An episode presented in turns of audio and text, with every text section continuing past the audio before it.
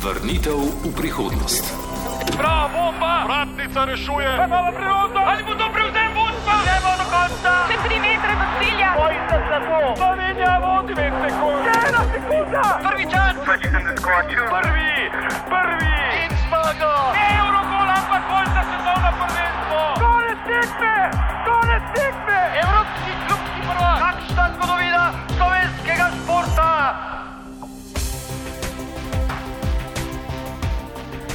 Slovenska hokejska reprezentanca si je leta 2001 prvič zagotovila nastop skupini A svetovnega hokeja. Leta 2002 so naši hokejisti prvič nastopili na svetovnem prvenstvu med hokejsko elito. V nekdani skupni državi so stik s svetovnim vrhom ponudile olimpijske igre. V samostojnosti pa je slovenski reprezentančni hokej na prvi vrhunec čakal do leta 2001. V dvorani Tivoli v napredovanju ni odločal medsebojni boj, ampak razlika v golih. Navijači so odštevali in se veselili 12. gola proti Estoniji, ki je napovedoval hokejski raj. Podaja za kontre, za kontre, za sami gol! Gol, gol, gol, 12 nič! Lepa podaja z desne strani v sredino in strelec znova Tajan Kontrec. Našel si je prostor, 12 nič, željeno vodstvo Slovenije. Tekma za Estonijo se je končala z izidom 16 proti nič in Slovenija se je prvič prebila med najboljše hokejske reprezentance. Kako je priplezala med najboljše, kdaj je bila predtem najbližje, kdo so bili osrednji protagonisti in kako so bili povezani med seboj. Odgovore iščeva s hokejskim reporterjem Boštjanom Janežičem, ki se je pred 19 leti veselil v Tivoliju. Skoraj 20 leti pozneje povezujeva prvi in vse poznejše podvige slovenskega reprezentančnega hokeja. Časovni stroj. Dajmo bojem samo še nekaj sekund. Bravo Petra, Petra je tretja.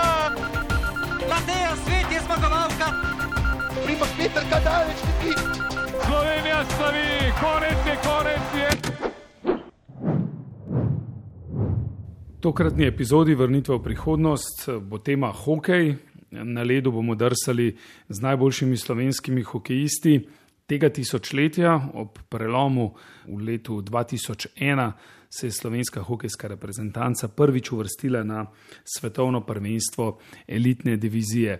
Morda še bolj kot nastop na tem svetovnem prvenstvu, pa je bilo veselo in je odmevalo eh, to, kako se je Slovenija prebila do svojega prvega nastopa med elito. Vse skupaj je bilo z euforijo navijačev v Tivoliju, polno doživeti in verjetno tudi čustev.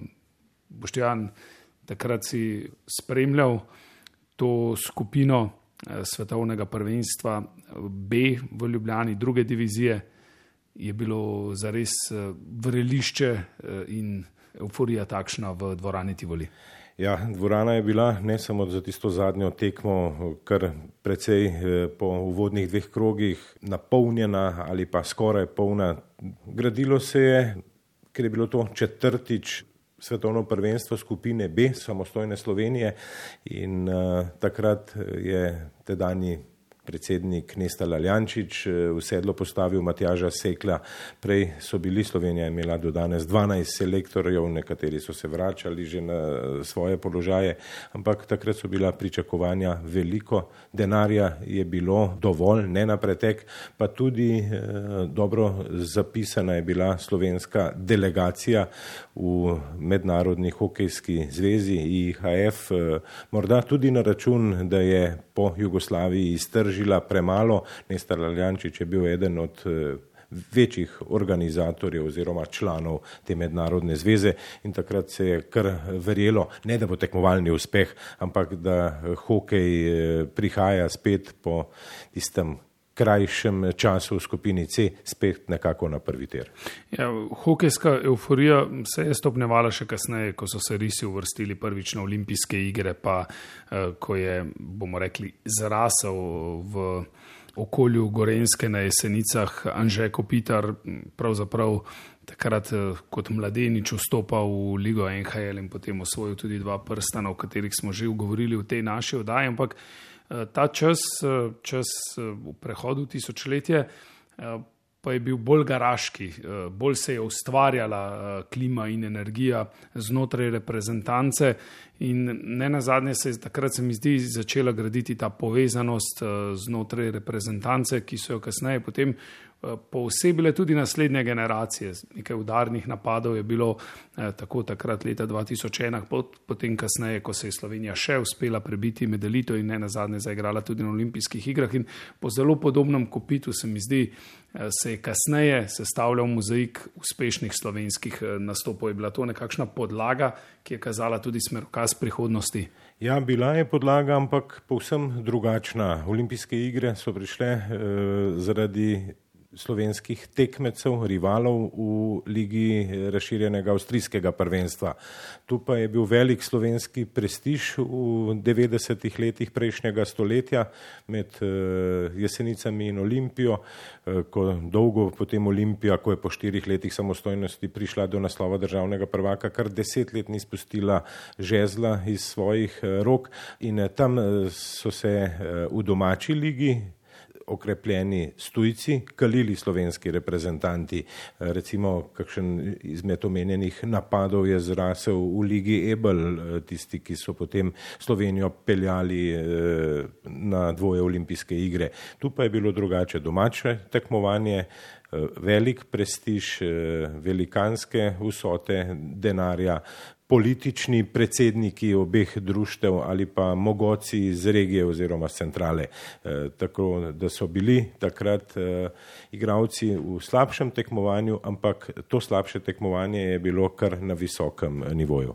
Leta 2001 je Slovenija prvič zaigrala med hokejsko elito na svetovnem prvenstvu skupine A oziroma se uvrstila tja. E, pravzaprav je zanimivo, ne, da prej noben slovenski igralec ni igral med elito, eh, igrali so na olimpijskih igrah, sicer pa malo stika s to vrhunsko uh, hokejsko konkurenco, pa čeprav je imela Slovenija že prej tudi vrhunske hokejiste, vrhunske posameznike, od samostojnosti naprej se je počasi začela gradnja, da je 2001 prišlo do te uvrstitve um, med elito. Zakaj pravzaprav ni prej nikoli Jugoslavija recimo uspela priti uh, med hokejsko elito ali pa zakaj je bilo potrebno počakati tako dolgo, da je v bistvu relativno majhna Slovenija sproducirala toliko kakovostnih posameznikov, da so se prebili med elito? Mislim, da sta saj dve stvari odločilni. E, za Slovence je bil še v skupni državi, čeprav so sestavljali 90 odstotkov igralnega in organizacijskega kadra, Beograd e, daleč. Beograd pa ni prepoznal e, slovenske naklonjenosti hokeju. Eh, in Slovenija je potem takrat, eh, ko je sama odločala povsem v svoji usodi, med zaslužnejšimi je verjetno, po mojem mnenju, tudi Nestal Aljančic poznal to željenost više hokejske ravni, eh, da bi lahko Slovenija, pa čeprav je štartala šele v skupini C, igrala v nje do leta 97, potem iztisnil maksimum, promoviral hokej Eh, kot eh, eden prvih ekipnih moštvenih športov, eh, ki je po razpadu Jugoslavije ostal na najvišjem nivoju tisti tekmovalni prestiž. Hkrati pa je bila še v času Jugoslavije tudi A skupina manjša z manj člani, čeprav se je potem z razpadom Sovjetske zveze kar nanizalo teh držav, ki so pred Slovenijo prišle v najvišje skupine, ampak da nimo okrog olimpijskih iger v Sarajevu, ja, skupina štela šest do osem članov, danes jih je šestnajst, pa je vprašanje, če je deset držav nastalo iz Sovjetske zveze in iz Češko-Slovaške, ki so boljše kot slovenska ali pa posledično jugoslovanska reprezentanca. Še nekaj zanimivo ob razpadu nekdanje skupne države se je bilo potrebno odločiti. Eh, zdaj, eh, hokej ima to specifiko, da eh, kupiš vstopnico za naslednje leto, leto poprej. Ni kvalifikacij, tako kot v nogometu, recimo, ko se kvalificiraš na neko veliko tekmovanje, ne na zadnje, tudi v košarki, rokometu, in odbojke v ostalih kolektivnih športih, lahko preneseš z uspešnim nastopom na prejšnjem prvenstvu vstopnico tudi v naslednjo sezono pri hokeju, pa je ta specifika še toliko večja, ker so skupine razdeljene in potem lahko ali napreduješ, nazaduješ ali pa ostaneš v posameznem rangu tekmovanja. Ko je razpadala Jugoslavija, kaj se je dogajalo za kuliso, kdo je prevzel v bistvu tisto primarno eh, vlogo reprezentance, eh, ponavadi uspehe, vsak eh, si prilasti s svojimi športniki. Umenil si že, da je bila jugoslovanska reprezentanca praktično v celoti slovenska, ni pa Slovenija dobila. Tega mesta, ki bi lahko pripadal ob razpadu države. Ja, bili so za nasledstvo bolj zainteresirani v Srbiji. Takrat eh, jim je Mednarodna hokejska zveza eh, ponudila, da bo Srbija, eh, kjer je bilo tudi glavno mesto skupne države, naslednica v hokeju. Niso Srbi brezplačno to ponujali slovencem, ampak takrat bi se dalo za bagatelo oziroma za kar nizek denar, kot eh, je bilo kasneje izvedeti za kulisja, eh, morda eh, od Srbov odkupiti to nasledstveno pravico, da bi Slovenija igrala vsaj v B skupini, ne pa da bi morala še v kvalifikacije ali bo igrala v D ali v C skupini. Eh, in takrat eh, Srbi niso želeli dati tega brezplačno Slovencem. Slovenci niso eh, takrat tisto vodstvo slovenske hokejske zveze na čelu z Jankom Popovičem niso odkupili teh pravic ali pa možnosti, jasno pa, da jih bližja okolica Slovencev na čelu z Avstrici ni uspodbujala ker so se bali slovenske moči, eh, vedeli so, kje je v Jugoslaviji hokej doma, da bi kakšno operativno oziroma dobrobit, eh, kakšno besedo v to smer eh, dejali oziroma so še malce preprečevali pri mednarodni hokejski zvezi. Osrednja zgodba je zgodba iz leta 2001. Ko govorimo o domačem svetovnem prvenstvu, takrat kar zelo obširen in programsko zgoščen uh, urnik priprav, vse z mislijo, da bi Sloveniji vendarle uspelo, ne na zadnje zato tudi uh, svetovno prvenstvo pred domačimi gledalci, kdo so bili nosilci tedanje reprezentance, kdo so bili tisti, ki so nosili breme, bili recimo povezovalci ob in na ledu. Kdo so bili tisti, okoli katerih se je gradilo in je uspel zgraditi Matjaš Sekl, reprezentanco za skupino A? Ja, takrat je bila liga močna s tujci, ki so dodajali vrednost, da so tudi naši hokejisti eh, napredovali. Eh, znajo povedati starši neuspelih otrok, eh, da je bilo takrat premalo skrbi za širok slovenski kader, ampak za užino, za pridobitev izkušenj na močnih tekmovanjih pa so bili eh, ameriški tujci v Ljubljani in ruski na jesenicah eh, kar eh, dobri vzgojitelji teh naših nosilcev, ki so potem igrali na svetovnem prvenstvu B skupine v Ljubljani. Eh, takrat med nosilci na branilskih eh, položajih Rebol, pa Bojan Zajc, eh, Igor Beribak in Andrej Brodnik ter še nekateri drugi nosilci v napadu, omenjena trojka Zupančič, Jan Kontrec, z Rožičem je igral Tomaš Unuk, počasi je prihajal Polončič, novinca sta bila Razingar in Marcel Rodman, še mladca v tej reprezentanci, ni bilo še poleg Kristana, takrat je imel državljanstvo tudi vratar Sten Redik, pa nekaj priložnosti je dobil tudi Gabr Glavič, ko je Matjaš Sekl imel nos za vratarje, z njim je tudi dobro dobro vedno opremljal Olimpijo, eh, tako da je znal tudi Redika posesti in je Glavič potem eh, branil na tistih tudi odločilnih eh, tekmah. To so bili takratni nosilci slovenske reprezentance. Nekaj jih je takrat kot Rodman prišlo z nižjih lig, ki so igrali kot najstniki on stran Atlantika, Znal je dobro selekcionirati, kaj pomeni ta prva napada slovensko, za slovensko reprezentanco Matjaš eh, Sekl že v tistih časih in eh, kakšne so potem eh, naloge tudi tistih napadov, ki naj nosilce samo spočijejo svojo minutažo na ledu tretjega in četrtega napada. Slovenija je bila zelo blizu uvrstitvi med svetovno elito že v dodatnih kvalifikacijah leta 1998, tudi takrat v dvorani Tivoli, eh, pa ni šlo prek Nemčije, Francije in Ukrajine.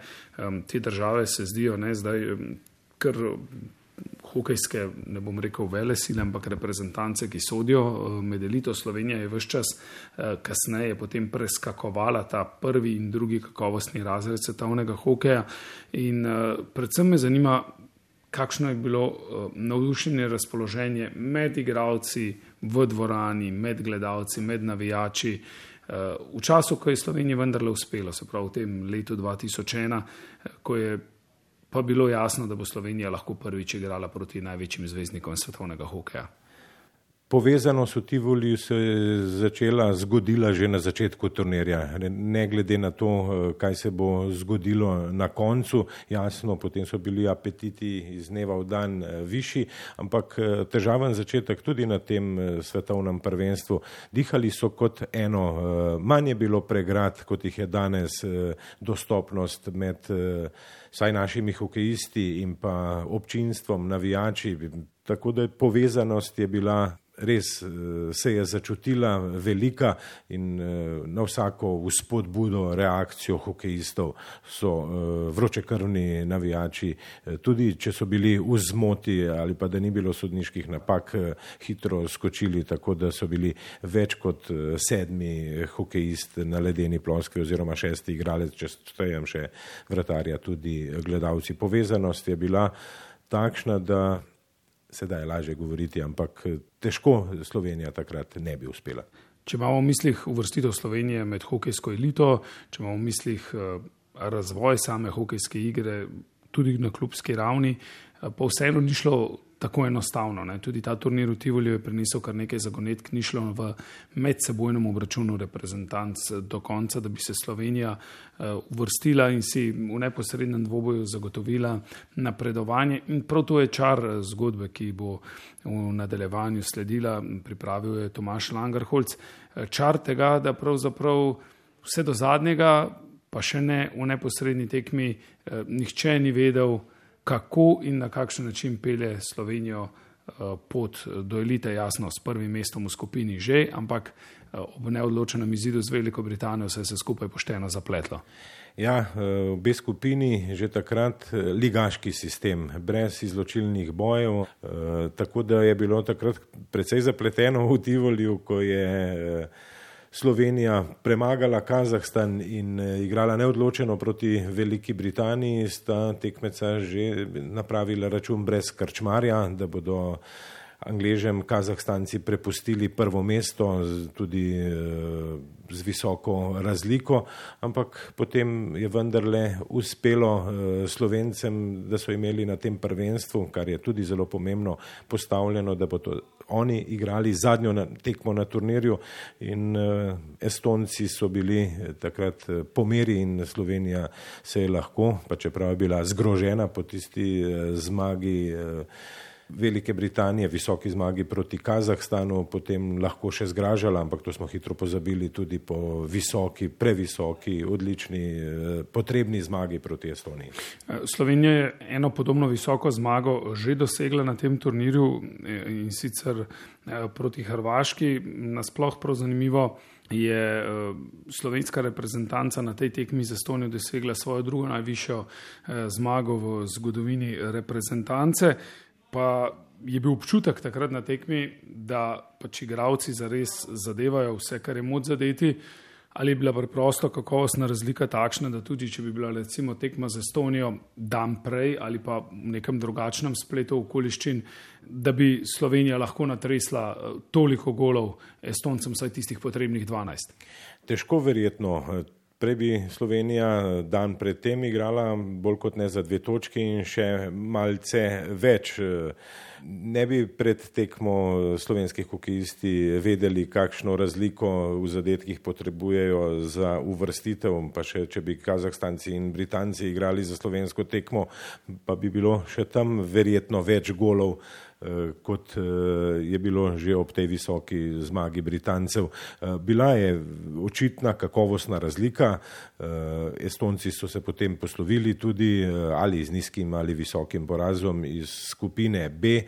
Neodločeno so igrali Estonci in Hrvati in takrat je bilo moč hitro primerjati po zmagi proti Hrvaški z 15 proti 1 da bi, če sta Estonija in Hrvaška med seboj igrali neodločeno, lahko Slovenija s tem premagala s to motivacijo primerjavo tudi estonske hokejiste tako visoko, ampak dan predtem bi Slovenija visoko zmagala, ampak samo s polovično razliko kakšnih osmih golov, kar bi bilo najverjetneje prevaro.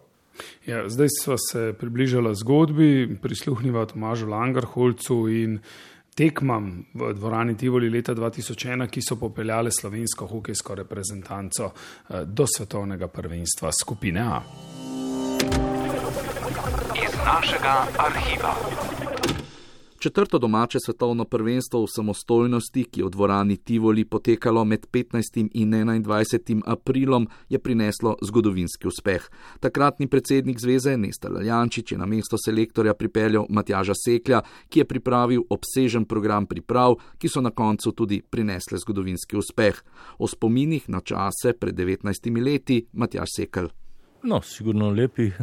To je bil v bistvu san generacij predtem, da se enkrat uh, Sloveniji uspe uvrstiti v, v elitno skupino. Velikrat se ni iztekel, uh, imeli smo domače prvenstvo, mislim, da smo stvari dobro organizirali, kar se tiče, bom rekel, priprave na sam prvenstvo, tudi motivacijsko za igralce in tako naprej.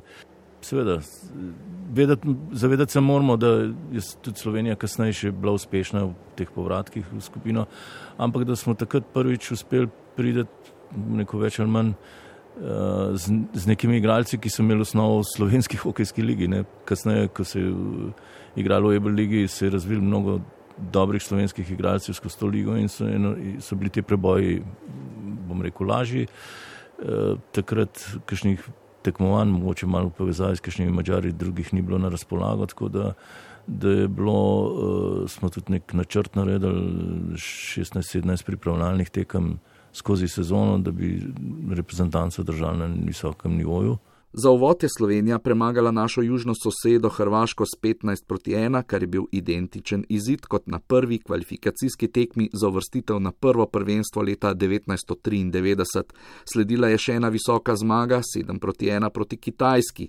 Tretji nasprotnik je bila Velika Britanija. Takole je zadnje sekunde tekme, ki se je končala neodločeno 3 proti 3, pospremil naš reporter Boštjan Janežič. Tomaš Unuki na drugi strani, Ivo Jan, zadnja priložnost, 19 sekund strelja, Ivo Jan to da brani, Stevie Lyle. Stevie Lyle brani, 15 sekund je še do konca tekme, lepo je Tomaš Unuk potem prepustil pološčico tam Ivo Janu, to da ni imel več moči Ivo Jan za pravi zaključni strel, še 5 sekund je do konca ploščica daleč na slovenski strani, Ivo Jan se tam bori z Britanci, Brodnik je preveč se tam ukvarjal z Britanci, predno je ploščico poslal naprej, tako da je tekme konec, zdaj je čas se iztekel in obstaja pri neodločenem rezultatu, pri delitvi točk med Slovenijo in Britanijo, torej 3 proti 3 po 60 minutah. Po dnevu odmora je Slovenija v četrtem krogu igrala proti Kazahstanu, prvemu favoritu prvenstva. Slovenija si poraza ni smela privoščiti. V zadnjo minuto tekme je Slovenija vstopila z vodstvom 2 proti 1. Še 30 sekund in prazna vrata so sedaj zadeli Slovenci, kaj ti ogurešnikov je še ven iz vrat. Odločitev je padla 3 proti 1, strel proti praznim vratom. Slovenci so namreč se branili, Kazahstanci so skrenili šestimi hokejisti, navdušene v dvorani Tivoli, ali to pomeni skupino A, pa to bi bila tudi parodija, kajti v tako slabem prvenstvu Slovenija sedaj vodi s 3 proti 1. Golnika Zupančiča je prinesel izjemno navdušenje in olajšanje na prepolnih tribunah Tivolija. Sloveniji se je nasmihala zgodovinska uvrstitev v elito. Tu so še zadnje sekunde tekme in Boštjan Janežič. Kamor 10 sekund, 8 sekund, veselje, tudi tiška poziva gledalce, naj se vendar ne veselijo Slovenija, Kazahstan premagala za dva gola, konec tekme. Ob dejstvu, da je Slovenijo v zadnjem krogu čakala Estonija, ki je predtem osvojila zgolj eno točko, so Kazahstanci vedeli, da se praktično v elitni razred ne morejo več uvrstiti in so v zadnjo tekmo proti Veliki Britaniji vstopili brez motiva. A da bodo Britancem dopustili, da jih premagajo s kar devetimi goli razlike, ob izidu 11 proti 2 ni pričakoval nihče. Zmaga ob koncu, tudi z golom v prazno mrežo v zadnji tretjini. V zadnji tekmovalni dan je Velika Britanija vstopila z dvema zadetkoma boljšo gol razliko. Končni zid pred zadnje tekme prvenstva je bil velik šok za igralce. Kapetan reprezentance je bil Tomaž Nuk, ki je pred dnevi spregovoril o spominih na tisti dan in odločilno tekmo proti Estoniji. 12 golov, kjer koli ekipi, da je, je izredno težko. E, mogoče je bilo v tistih časih vse to lažje, kot zdaj, ko so e, v bistvu vse ekipe veliko, veliko bolj izenačene. Je pa res tudi, da tudi Estonci, ravno tako kot eh, Kazahstanci, niso bili najbolj motivirani za to zadnjo tekmo, tako da je bilo mogoče z tega vidika mečkan lažje. Selektor Matjaš Sekel je bil prav tako pred posebnim izzivom, kaj po velikem razočaranju ob neverjetnem razpletu tekme Kazahstan-Velika Britanija povedati igralcem pred odločilno tekmo z Estonijo. O tem po 19 letih Matjaš Sekel. Ja, bil je, bil je šok, ko pač, smo prišli v dvorano pa je bila ta tekma pred nami eh, in videli, kaj se dogaja, seveda je bil šok za vse. Ne. Uh, jaz pa nekako sem gledal na to zadevo tako, da mi smo Hrvaški v otvoritveni tekmi dali 15 golov, Hrvaška je pa Estonijo premagala. Uh, in, in enostavno, če smo Hrvatom, ki so premagali Estonce, uspeli dati 15 golov na otvoritveni tekmi, zakaj jih ne bi dali tudi Estoncem 12? Slovenija je torej na zadnji tekmi za potrditev prvega mesta morala Estonijo premagati z 12 goli razlike. Po prvi tretjini ni kazalo na končni uspeh, saj je Slovenija vodila zgolj dve proti nič. Sledila je izjemna druga tretjina in novih osem ploščkov za hrbtom estonskega vratarja. Blestev je napad Zupančič kontrec Jan. V zadnjem delu je tako Slovenija potrebovala le še dva gola ob dejstvu, da nasprotnik ne premaga vratarja Gabra Glaviča. Kmalo je sledil enajsti gol. Prisluhnimo Boštjanu Janežiču, ki je tekmo spremljal za naš radio. Punov napad, to da tam so bili Estonci na mestu, Tomas Kule ploščico, bil ni še konec slovenskega napada, Dejan Kontrec išče prostor za vrati, podajo sredino za Zupančiča in gol enajst proti nič! Dejan Kontrec, Ivo Jan in Nik Zupančič strelec za Slovenijo za enajst proti nič!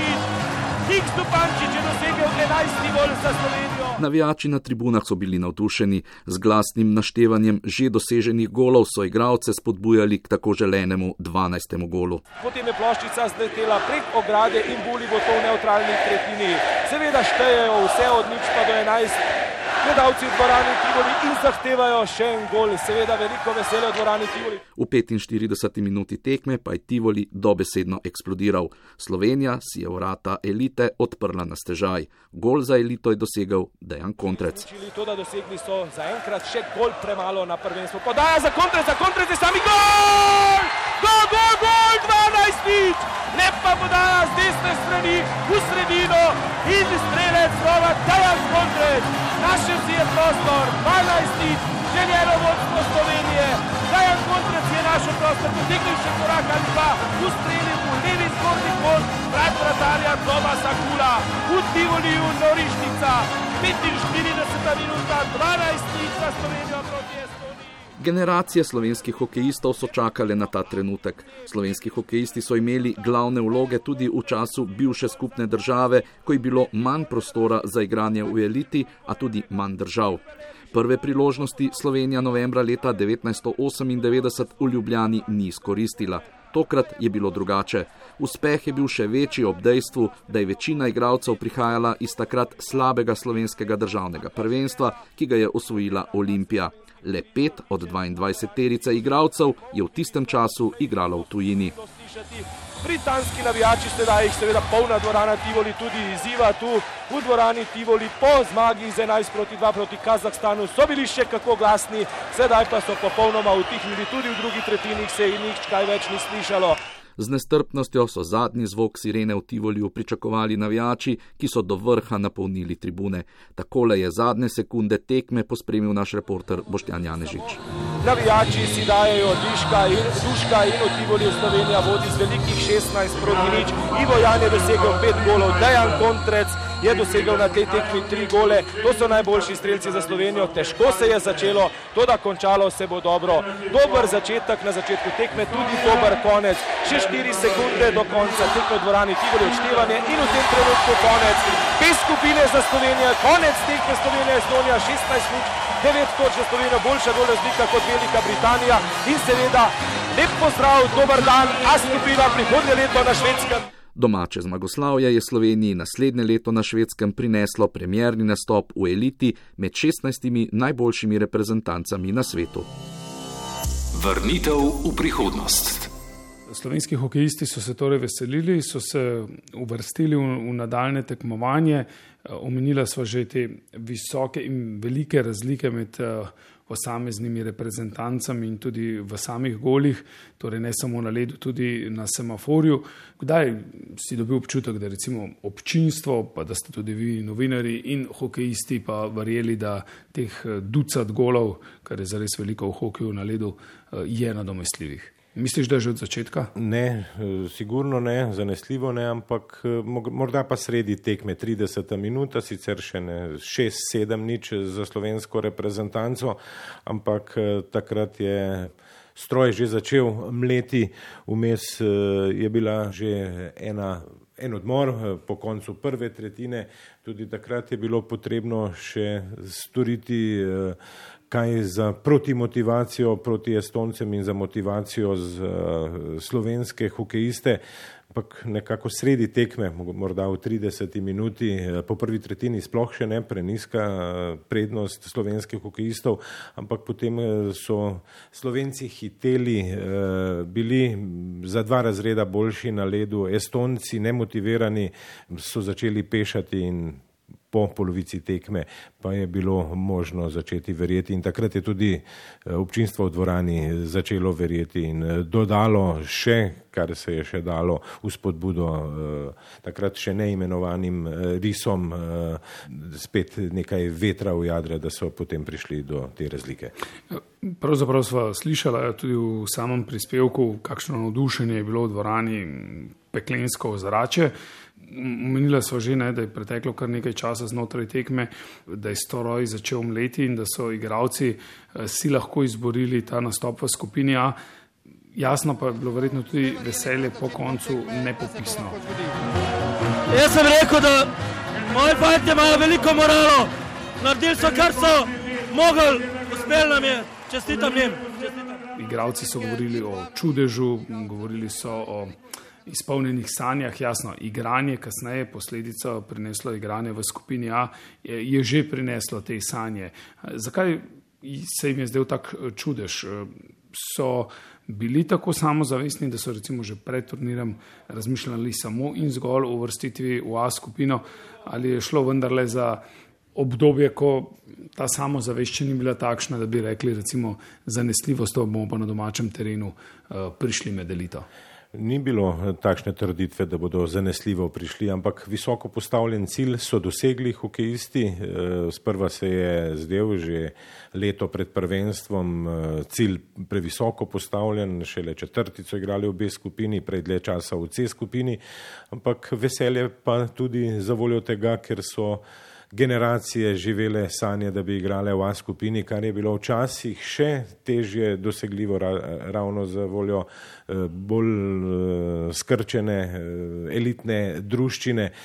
Tudi IHF se je začel kasneje bolj odpirati in povečevati število reprezentanc v elitni skupini, zato ker so se potem za pridobljeno samozavest, morda zato takšna euforija tudi med igravci, ker so dobili potrditev, da so vložili dovolj in da če si želiš in nekako stopnjuješ in načrtuješ pot, da lahko tudi prideš do še tako visoko postavljenega cilja. Ja, potrditev in potem naslednje leto v A skupini tudi streznitev. Ni šlo enostavno, pravzaprav nikoli slovenski reprezentanci tudi na prvenstvih med elito. Še preden se posvetiva temu svetovnemu prvenstvu, potem 2002, me zanima, je bil slovenski hokej v tistem obdobju ravno na prelomnici, ko pa so začeli ceniti tudi slovenske igralce v tujini, da so si lahko morda izborili kakšno še bogatejšo um, ponudbo ali pa so se jim odprla vrata morda kakšnega močnejšega prvenstva, tudi zaradi tega, ker so ujeli stik z elito, uh, glede na to, da uh, verjetno v Tivoliju in podmežakli uh, so bile plače više, kot so dan danes, niso bile pa tako bajne kot recimo v Nemčiji, na Češkem ali pa še kje, kjer danes tudi igrajo slovenski hokejisti. S takim uspehom je bilo pričakovati še več ponudb tujih bogatih klubov, da bi se slovenski igralci preselili v močnejše, bogatejše lige, igrali za Eh, više pogodbe oziroma denarje, ampak eh, ni bilo eh, nič kaj hudega, visokega, dobrega napredka za slovenski hokej, da bi pa potem kar v tistem letu iz 2001 do 2002 se hokejisti prav selili v tujino. Nekaj je bilo posameznih prehodov pa za nemško drugo ligo ni bila še tako razpoznavna takrat, oziroma bolj zaprta je bila Ruska liga, eh, ni bilo še niti v bližini lige Ebel. Morda tudi zaradi tega eh, ne takšen napredek, kot ga je obljubljal rezultat oziroma uspeha skupina, eh, ker tisti zadnji štirje, ki so potem odločali eh, od 13. do 16.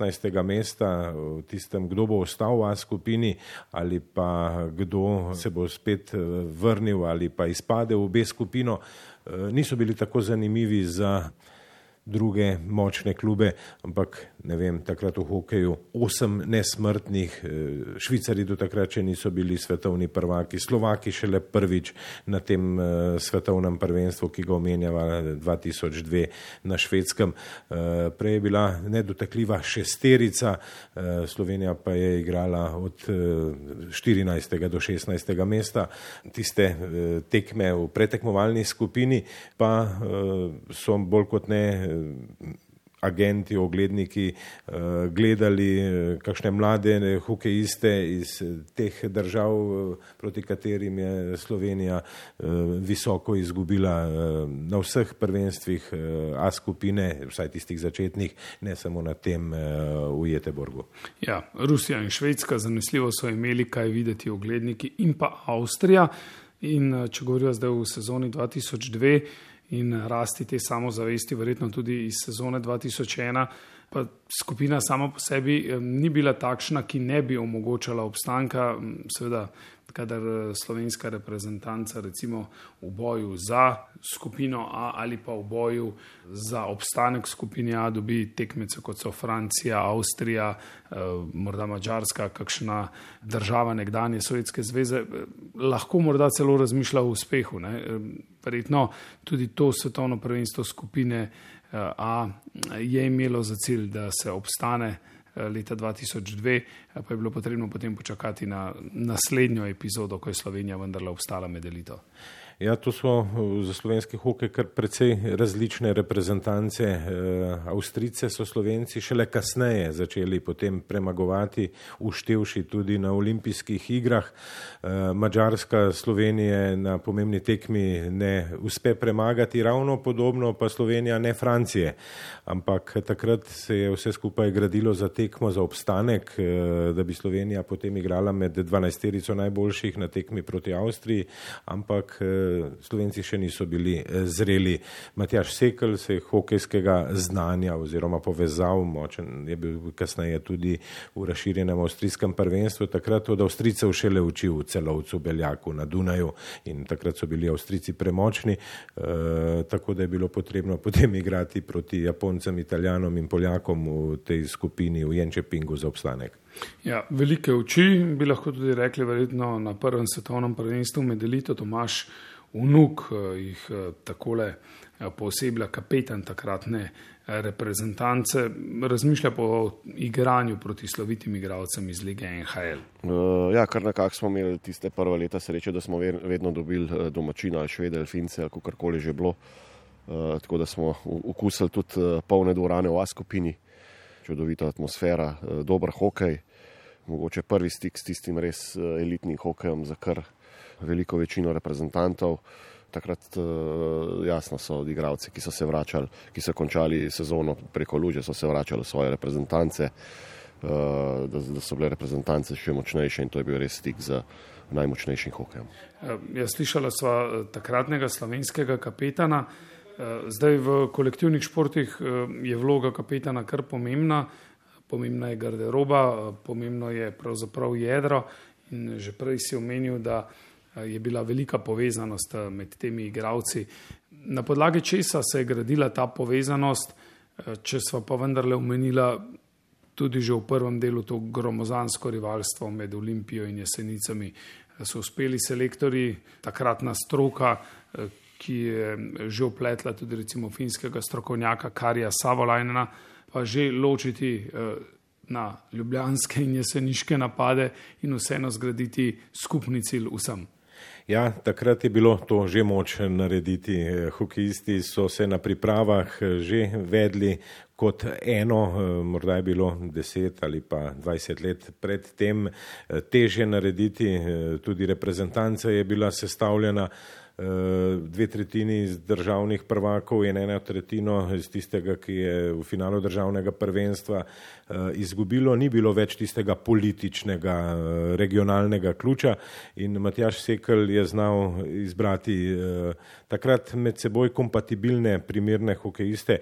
Tomaš Vnuk pa je imel tudi zaradi e, svojega hokejskega znanja, zaradi števila zadetkov, je najboljši strelec slovenske hokejske reprezentance doslej, e, kar glavno besedo in znal je popustiti, nasmejati, e, postaviti e, hierarhijo, se dobro razumeti s svoji igravci hitro je bilo jasno, brez da je bil selektor vse skozi v garderobi, da so stari in mladi za isto stvar, ampak kdo uh, govori in kdo posluša, pa je bilo videti po uh, vseh teh uspehih ali obe skupini ali v kakšnem obstanku. Uh, takrat, ko ni, ko ni bilo vse skupaj tako postavljeno, pa tudi reprezentanca ni delovala v prvih desetih letih tega stoletja.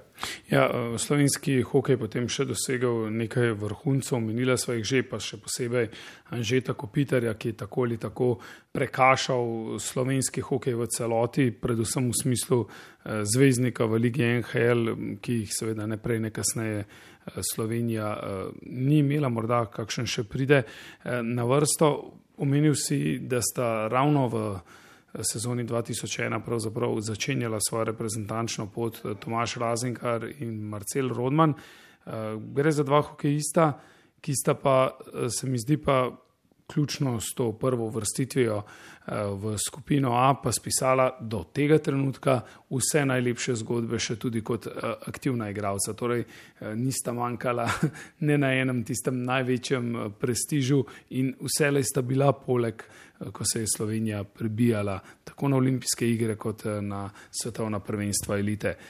Sta morda v tem pogledu spregledana, ne tako morda v hokejskih krogih, kot na splošno za njuno vlogo v slovenski hokejski reprezentanci. Mislim, da nista spregledana. Tomaš Razinger ima največ nastopov za slovensko reprezentanco, bil je kapetan Slovenije tudi na olimpijskih igrah.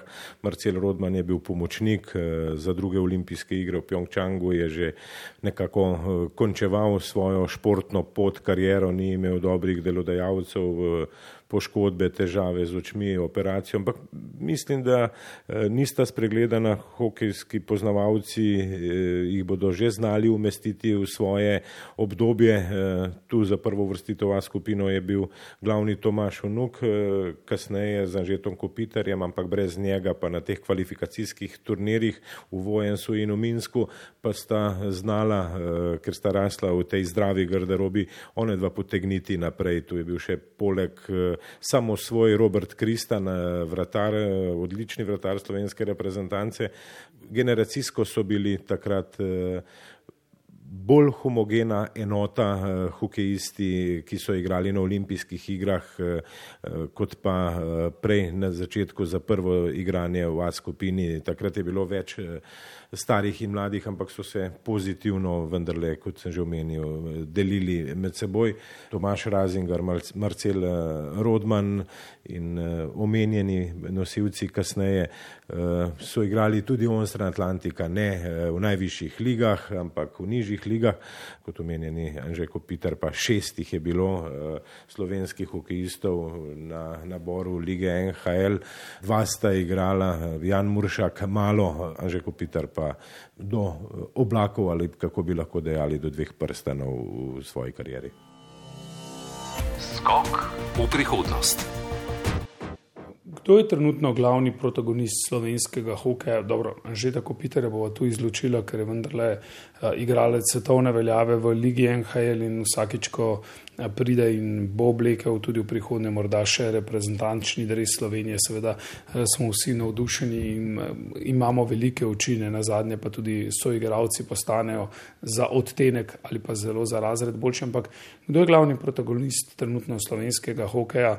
Eh, ko so se zvrstili različni selektori, tudi iz te generacije, ki je bila uspešna leta 2001, eh, tudi iz kasnejšega eh, obdobja, recimo Tomaš Unuk v vlogi direktorja Olimpije, pa z drugačnimi povdarki nekateri drugi hokejisti, tudi Tomaš Razinger, nekaj v sodelovanju z Anžetom Kompitarjem, z taborom za mlade hokejiste. Kdo je v bistvu trenutno pa prvi osrednji protagonist eh, slovenskega hokeja, ki pa ima morda neko vizijo in neko smer, ki bi jo veljalo zasledovati. Ja, malo hokejistov eh, in idolov imamo v tujini. Če začnem eh, na drugi strani, v Švici igra Jan Muršak. Prej so bili v KHL, celinski ligi, eh, pomembni igravci Tičar Jeglič, eh, Sabolič. Kako pa je doma? Doma pa je več teorije kot pa dela in povezovalnosti, ker nekako ne zna Slovenska hokejska zveza resno sodelovati, se združiti z sebi primernimi državami za kakšno regionalno tekmovanje. Eh, Mačari morajo prositi eh, Slovence, enako je z Italijani, ampak eh, Slovenci pa prosijo Avstrice ki pa so spet razred više in uh, ni pravega modusa. Slovenija je drugo kategorno tekmovanje, Alpsko hokejsko ligo na teh področjih uh, organizirala, vodila v lanski sezoni, ampak uh, se to ni poznalo uh, za razvoj, uh, prodornost, uh, protagonizem slovenskega hokeja tudi v regiji. Ne. Samo še za zaključek, ne zato, ker bi Prime Kopitar Eh, zdaj zagotavljal pa že uspeh in eh, delo, ampak eh, ta prepletenost Anžeta in ne nazadnje tudi Matjaža od poti v Združene države Amerike in povratek je morda iz tega pogleda pa znanje ali pa tisto, kar je prinesel nazaj tudi kasneje Matjaš Kopitar, pa to tisto, kar bi veljalo zasledovati vsa v načinu dela pa razmišljanju in ali je za to potrebnega preveč denarja premalo posluha ali preprosto tudi baza ni takšna, da bi pa lahko ustvarjali na ta način in eno in drugo in eh, tretje. Eh, selektor Matjaš Kopitar je avtoritativen, takšnega potrebuješ, vmes do njega poseklju. Tudi eh, niso imeli vsi selektori avtoritete ali pa so se tudi vedli z one strani Atlantika. Tudi vzvišeno nepoznavanje ni bilo dovoljšno slovenskega hokejskega podalpskega prestiža. Jasno, da znanost prihaja, kot na vseh športnih področjih eh, v hokej, to je zone strani Atlantika morda malce lažje, bolj široko videti eh, kot eh, pri nas. Niti ni ponudbe tiste količinske, da bi se potem lahko razvijala vsaj ima za reprezentančne kandidate 35 hokejistov, ki bi se bali za svoje mesto. Vsega skupaj eh, manjka. Ni razvoja na slovenskem, tudi hokejskih eh, središč. Eh, tudi jesenice pa Olimpija nista takoj začela s tradicijo. Začela sta na začetku, pa sta kluba potem prišla na raven, kakršno sta imela, imata, ampak na bledu dva kluba eh, brez eh, povezovanja, v celju brez članskega moštva, v Mariboru eh, kasneje, ko so poskušali z akademijo, je najvažnejši ženski hokej v Kranju.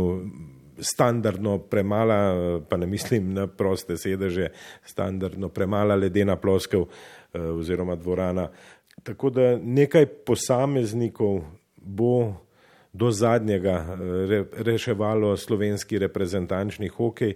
Imamo nekaj še za izbrati slovensko reprezentanco, ampak spet bi bilo pomembno, da bi Slovenija igrala ali v močni ligi, ali bi v Slovenijo prihajali tujci, zato je potreben denar, dogovor, tega ni na vidiku, ponudbe pa ni. Ja, kdaj lahko Slovenija ponudi, če zaključiva znova vrstitev na olimpijske igre ali svetovno prvenstvo skupine A? Je to eh, zdaj recimo, ko smo govorili o tem, da pa vendarle počasi eh, nekateri eh, so pri koncu svojih karier še morda zadnji vlak, za kakšen takšen podvig, da bo potem teže ujeti ta brzeči se stroj svetovnega hokeja, ki nam morda malce uhaja in beži.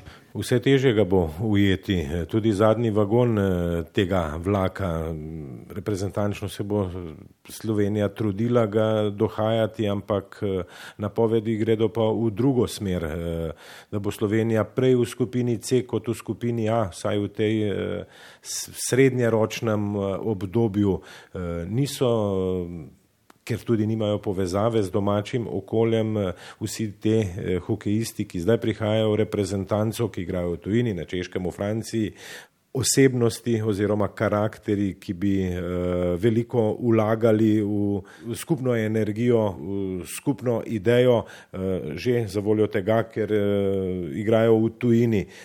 Doma pa so hokejisti, ki napolnijo dva slovenska kluba, ki igrata v najvišjem rangu tekmovanja. Nekaj jih je še, ampak ni zvezdnikov v primerjavi z Anžetom Kopitarjem, da ne bi komu napravil krivice da ga nisem omenil, ne bom niti prihajajočih omenjal, ampak nekaj nosilcev v mladi in mladinski eh, reprezentanci je, ampak bolj bo šlo za številčno zapolnitev, kot pa za kakovostno zapolnitev. Torej Slovenija še kdaj v A skupini in na olimpijskih igrah ali ne? Zelo težko, če je odgovor samo ja ali ne, ampak nikoli ne rečem nikoli. Eh, zelo težko. Eh, morda prej v A skupini, 16 jih je, možno se kakšne organizacije prvenstva v domačih dvoranah, na olimpijskih igrah pa samo 12 reprezentanc in eh, Slovenija je z dobrimi igrami srečno dvakrat ujela olimpijske igre, ampak se je bilo tudi pred še desetimi leti težko predvidevati, da bo Slovenija kdaj igrala na olimpijskih igrah.